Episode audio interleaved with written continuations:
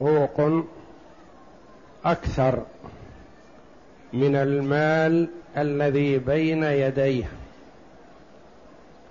فيحجر عليه الحاكم فيمنعه التصرف بالبيع والشراء والهبة والاستئجار والتأجير وغير ذلك من التصرفات المالية لأنه محجور عليه ممنوع التصرف في ماله.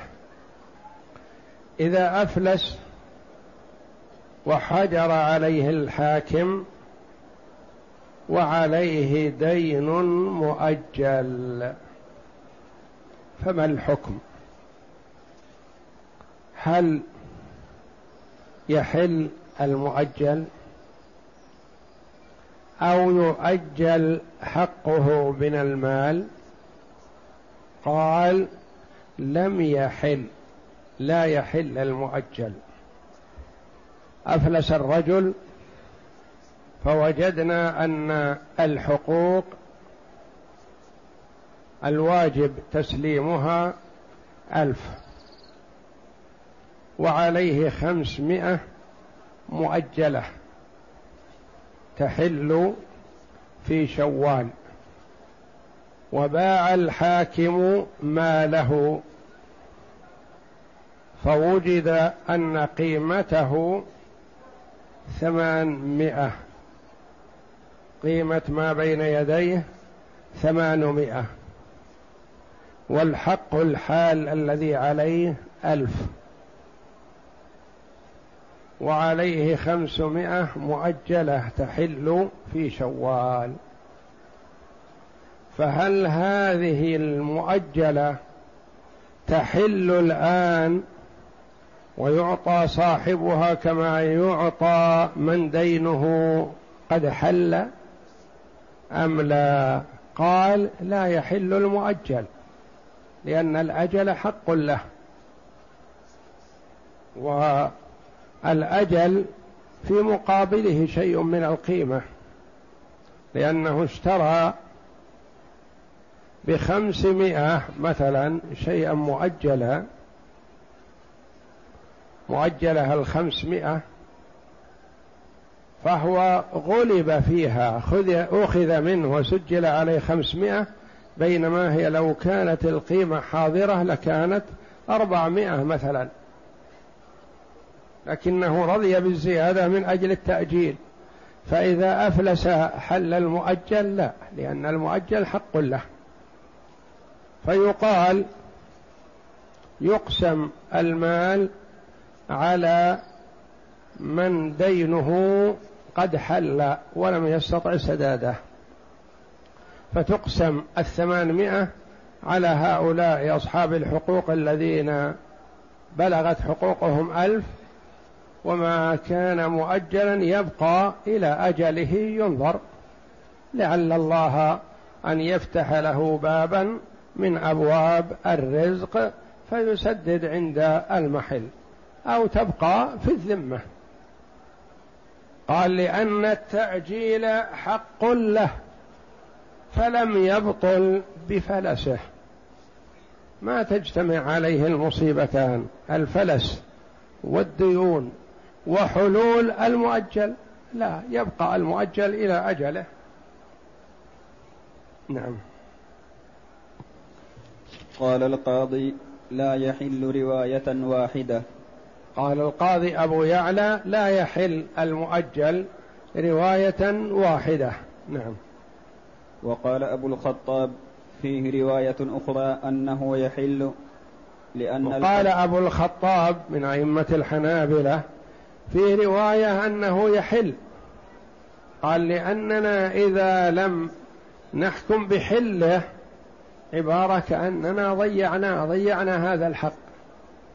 نريد أن نبيع كل ما بين يديه فيبقى صفر اليدين وعليه حقوق أخرى تحل ويأخذ بقسطه من هذه الحقوق. نعم. وقال أبو الخطاب فيه رواية أخرى أنه يحل لأن الفلس معنى يوجب تعلق الدين بماله يعني جميع الديون تعلقت بماله هذا الذي بين يديه الحال والمؤجل. فإذا قلنا المؤجل لا يحل فمعناه ما بقي للمؤجل شيء يسدد منه. لأن الفلس معنى يوجب تعلق الدين بماله فأسقط الأجل كالموت. فأسقط الأجل كالموت لأن الموت سيأتينا أن من عليه حق ومات فيه قولان أنه يحل ويسدد لأجل براءة ذمة الميت ولأجل إيصال الحق إلى صاحبه ولأجل سلامة وتصرف الورثة بما خلفه مورثهم لأن إذا قلنا لا يحل أبقينا التركة كما هي حتى يحل الدين ليأخذ الغريم حقه. نعم. فإن وهذا سيأتي. الدين على الميت سيأتي. نعم. فإن قلنا لا يحل اختص أصحاب الديون الحالة بماله دونه.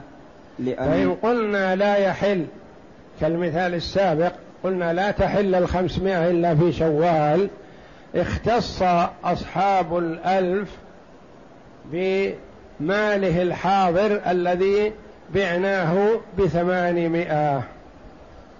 نعم. فإن قلنا لا يحل اختص أصحاب الديون الحالة بماله دونه. لأنه لا يستحق استيفاء حقه قبل أجله. نعم. وإن حل دينه قبل القسمة شاركهم لمساواته إياهم في استيفائه فأشبه من تجدد له دين بجناية المفلس عليه. وإن حل دينه قبل القسمة شاركهم. إذا كان عليه دين حال ألف ريال. وعليه دين مؤجل خمسمائة ريال تحل في شعبان. وبعنا ماله بدأنا بالبيع بعدما حجر عليه الحاكم. صفى المال ثمان مئة. يعني عليه دين حال بألف ودين مؤجل بخمسمائة ألف وخمسمائة والمال صفى ثمانمائة قلنا على الرواية الأولى الدين المؤجل لا يحل. فبدأنا في تصفية المال وجمعناه وأدخلناه بيت المال من أجل قسمته على الغرماء. في أثناء هذه الإجراءات والبيع والإدخال والتصفية إلى آخره حل المؤجل الذي كان في شعبان. فهل نقول إنه لا حق له في المال لأن دينه مؤجل حال الحجر؟ وحال التصفية ولكنه حل الآن فلا يدخل معهم لا. بل يشاركهم ما دام أنه حل قبل القسمة فيشاركهم. مثل رحمه الله فقال أشبه من تجدد له دين بجناية المفلس عليه. المفلس جنى على شخص ما وتجدد زيادة دين كان أول عليه ألف وخمسمائة مؤجلة مثلا. ثم جد ألف آخر بسبب الجناية. هل صاحب الألف الآخر هذا يشارك الغرماء في في قسم في اقتسام المال بينهم؟ الجواب نعم. لأن هذا دين على المفلس وهو بجناية منه فعلى من يتولى قسمة المال أن يضرب لهذا بسهم. لأن حق هذا على المفلس وإن كان قد تجدد فهو في ذمته فعليه سداده. نعم. وإن أدرك بعض المال شاركهم فيه لذلك. وإن أدرك بعض المال صار مال المفلس أنواع. صفينا الأموال كما تقدم لنا التي يسرع إليها الخراب والأموال التي تحتاج إلى نفقة مثل الحيوانات الإبل والبقر والغنم صفيناها أولا. وقسمنا القيمة على الغرماء الذين ديونهم حالة. العقار ما استعجلنا في تصفيته. بعدما قسمنا القسمة الأولى بفترة صفينا العقار. لأن قلنا فيما سبق إن العقار آخر ما يباع من حق المفلس لأنه لا ضرر عليه في التأخير. صفينا العقار فإذا الديون المؤجلة قد حلت. فهل نقول إنه ما شارك الغرماء في القسمة الأولى فلا يشاركهم في القسمة الثانية؟ أم يقاسمهم الآن؟ نقول وإن لم يقاسمهم في القسمة الأولى لأن دينه لم يحل الآن قد حل. فيشاركهم في هذه القسمة فيما بقي. نعم. وإن أدرك. وإن أدرك بعض المال شاركهم فيه لذلك. لأنه دين حل فيستحق أن يعطى مثل الغرماء. نعم. فإن كان المؤجل برهن خص به لأن حقه تعلق بعينه. فإن كان المؤجل برهن خص به لأن حقه تعلق بعينه. عليه حقوق.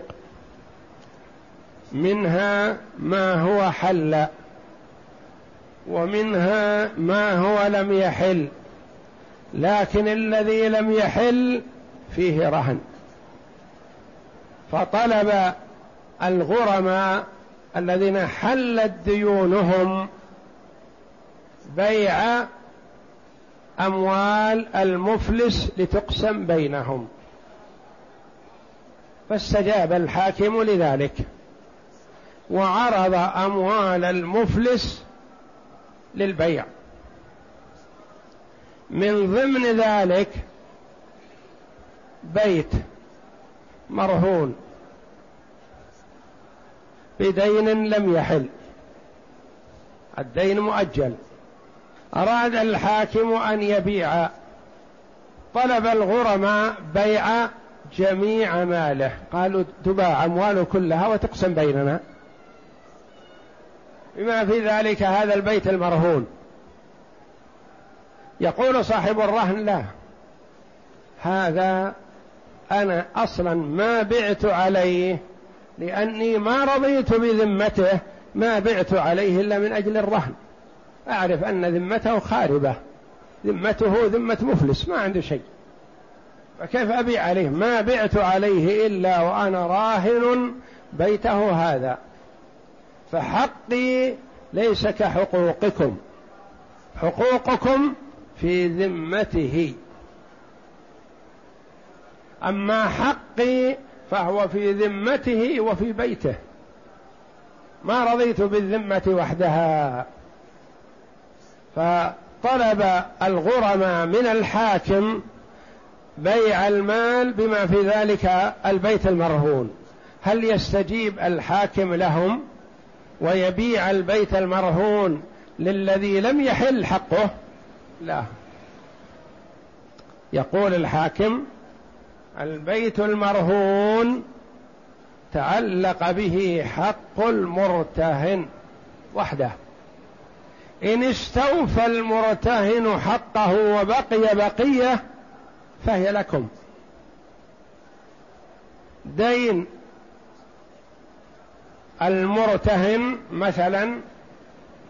ثلاثمائة ألف.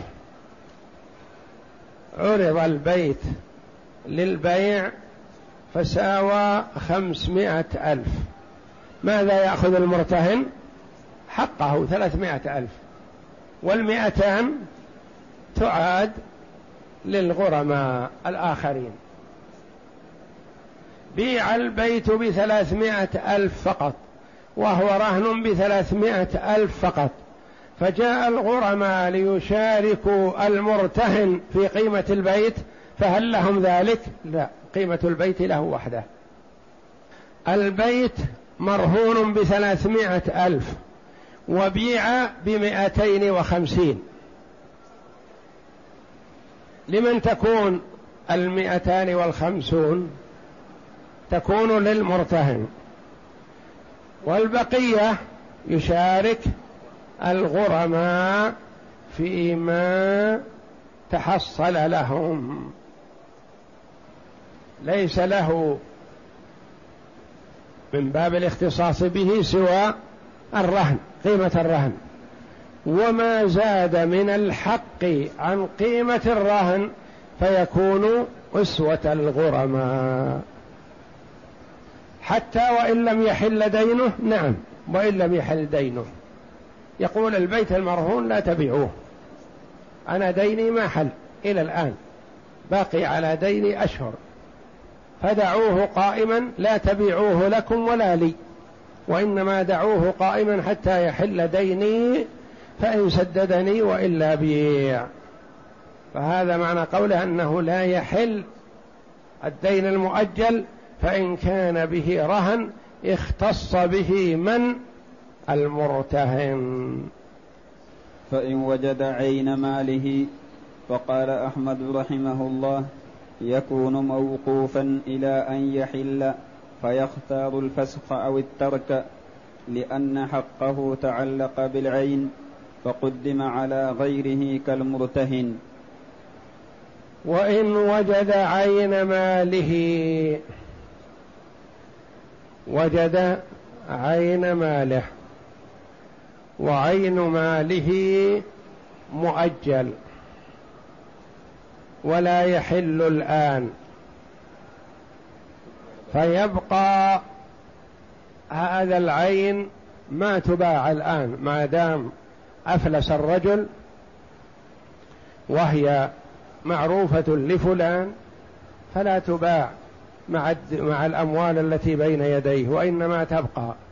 هل يقال لصاحبها تأخذها؟ لا لا يقال لصاحبها تأخذها الآن لأنه مؤجل حقه. إذا حل دينه قيل له أنت بالخيار. هذه العين التي بعت عليه.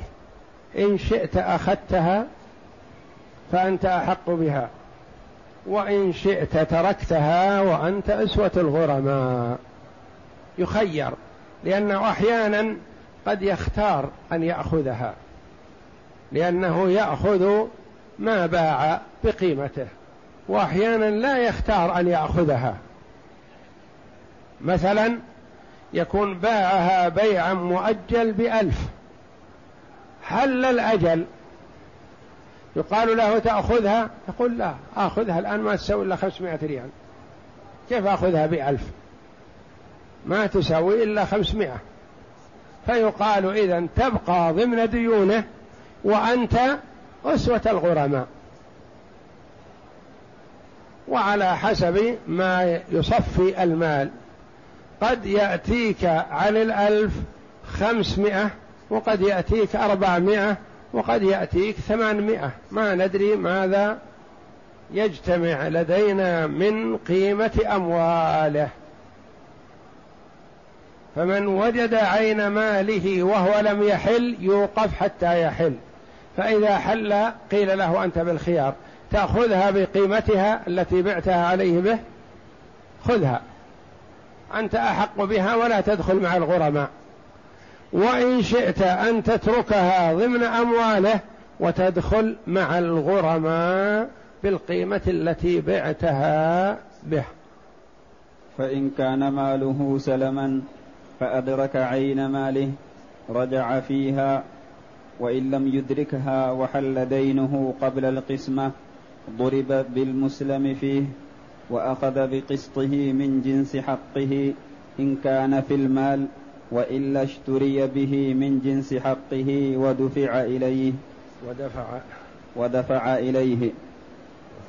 ولا يجوز أن يأخذ غير ما أسلم فيه لقول النبي صلى الله عليه وسلم من أسلم في شيء فلا يسرفه إلى غيره رواه ابن ماجه وأبو داود.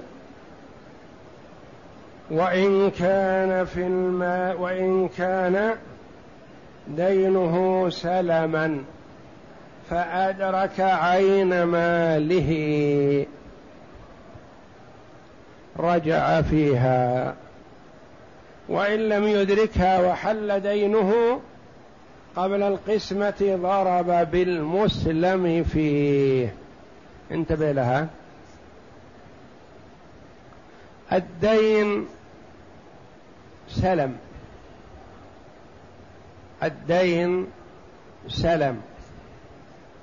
والقيمة قيمة السلم المدفوعة موجودة.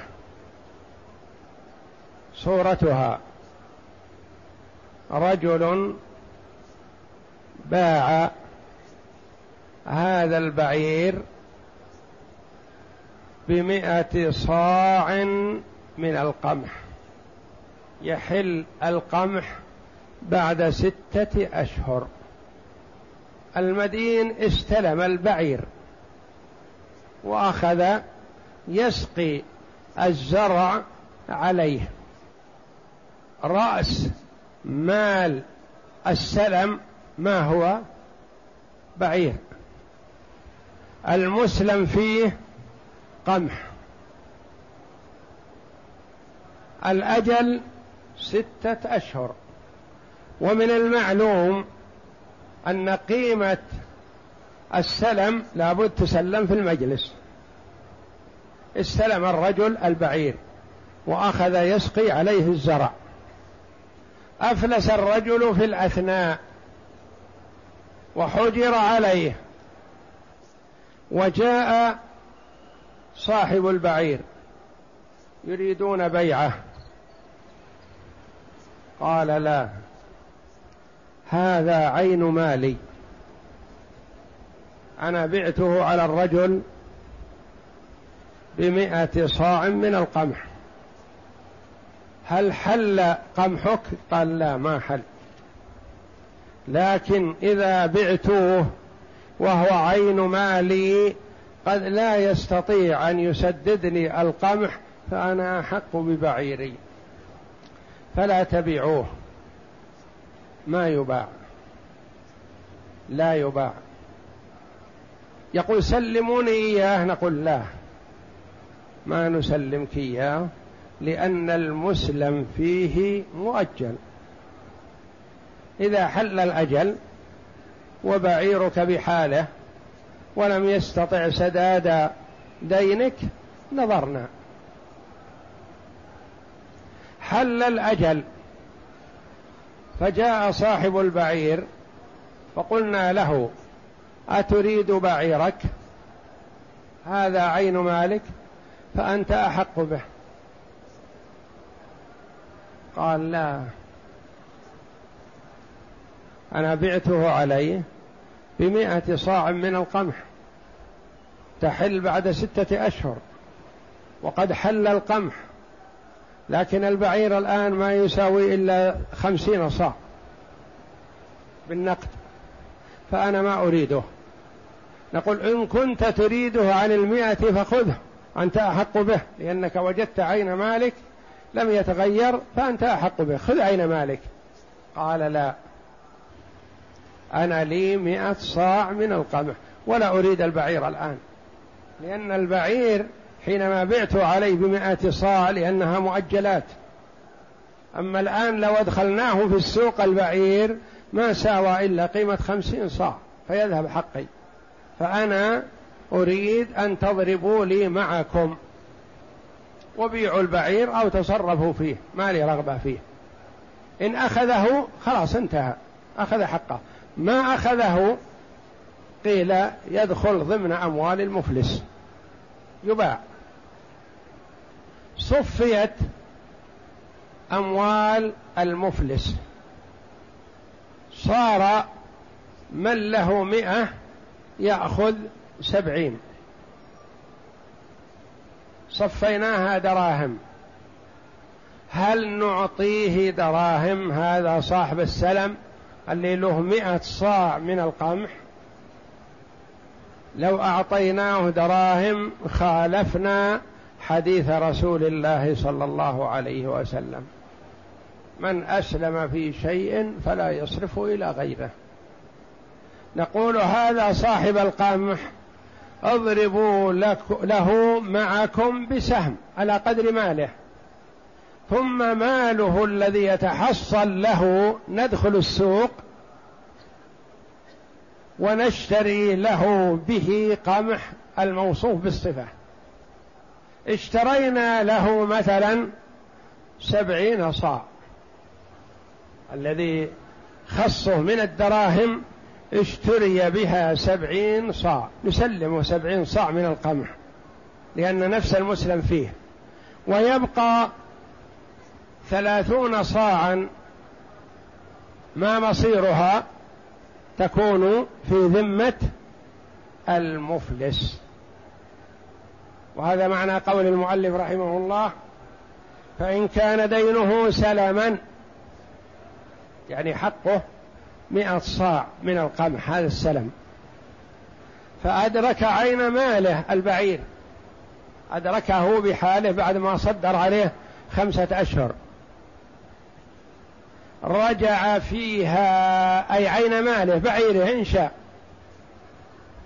وإن لم يدركها أو لم يردها وحل دينه قبل القسمة ضرب بالمسلم فيه وأخذ بقسطه من جنس حقه.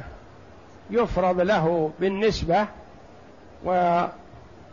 وما يطول ويكون نصيبا له من الدراهم يشترى له من السوق من جنس حقه بقدرها خمسين سبعين ثمانين صاع أو أتت بمئة صاع التي هي كامل حقه يشترى له من السوق المسلم فيه. وإلا اشتري له من جنس حقه ودفع إليه ودفع إليه ولا يجوز أن يأخذ غير ما أسلم فيه. ما يجوز أن يأخذ دراهم. ولا يجوز أن يأخذ تمرا. ولا يأخذ غير ما أسلم فيه. والذي هو القمح. لقول النبي صلى الله عليه وسلم من أسلم في شيء فلا يصرفه إلى غيره. السلم معروف. هو ما تدفع قيمته حاضرا. ويكون المبيع مؤجل. سواء كان هو نفسه يزرع هذا وينتجه أو يشتريه. يجوز السلم مثلا في كذا كرتون صابون. يجوز السلم في كذا كرتون زيت. يجوز السلم في كذا كيس من السكر كيس من القمح كيس من الرز وغير ذلك. يعني المسلم فيه موصوف في الذمة. الرجل مثلا في حاجة إلى عين دراهم يقول تعال يا أخي أبيع عليك مئة كرتون من الزيت. هل عندك زيت؟ قال لا. إذا حل الأجل يسرها الله. أشتري. فيبيع الرجل المدين مئة كرتون من الزيت ويأخذ قيمتها فإذا حل الأجل أحضر له الزيت الموصوف. هذا السلم. ومن أسلم في شيء يعني باع واشترى شيئا سلما فلا يصرفه إلى غيره لئلا يدخل في الربا. رواه أبو داود على آله وصحبه أجمعين.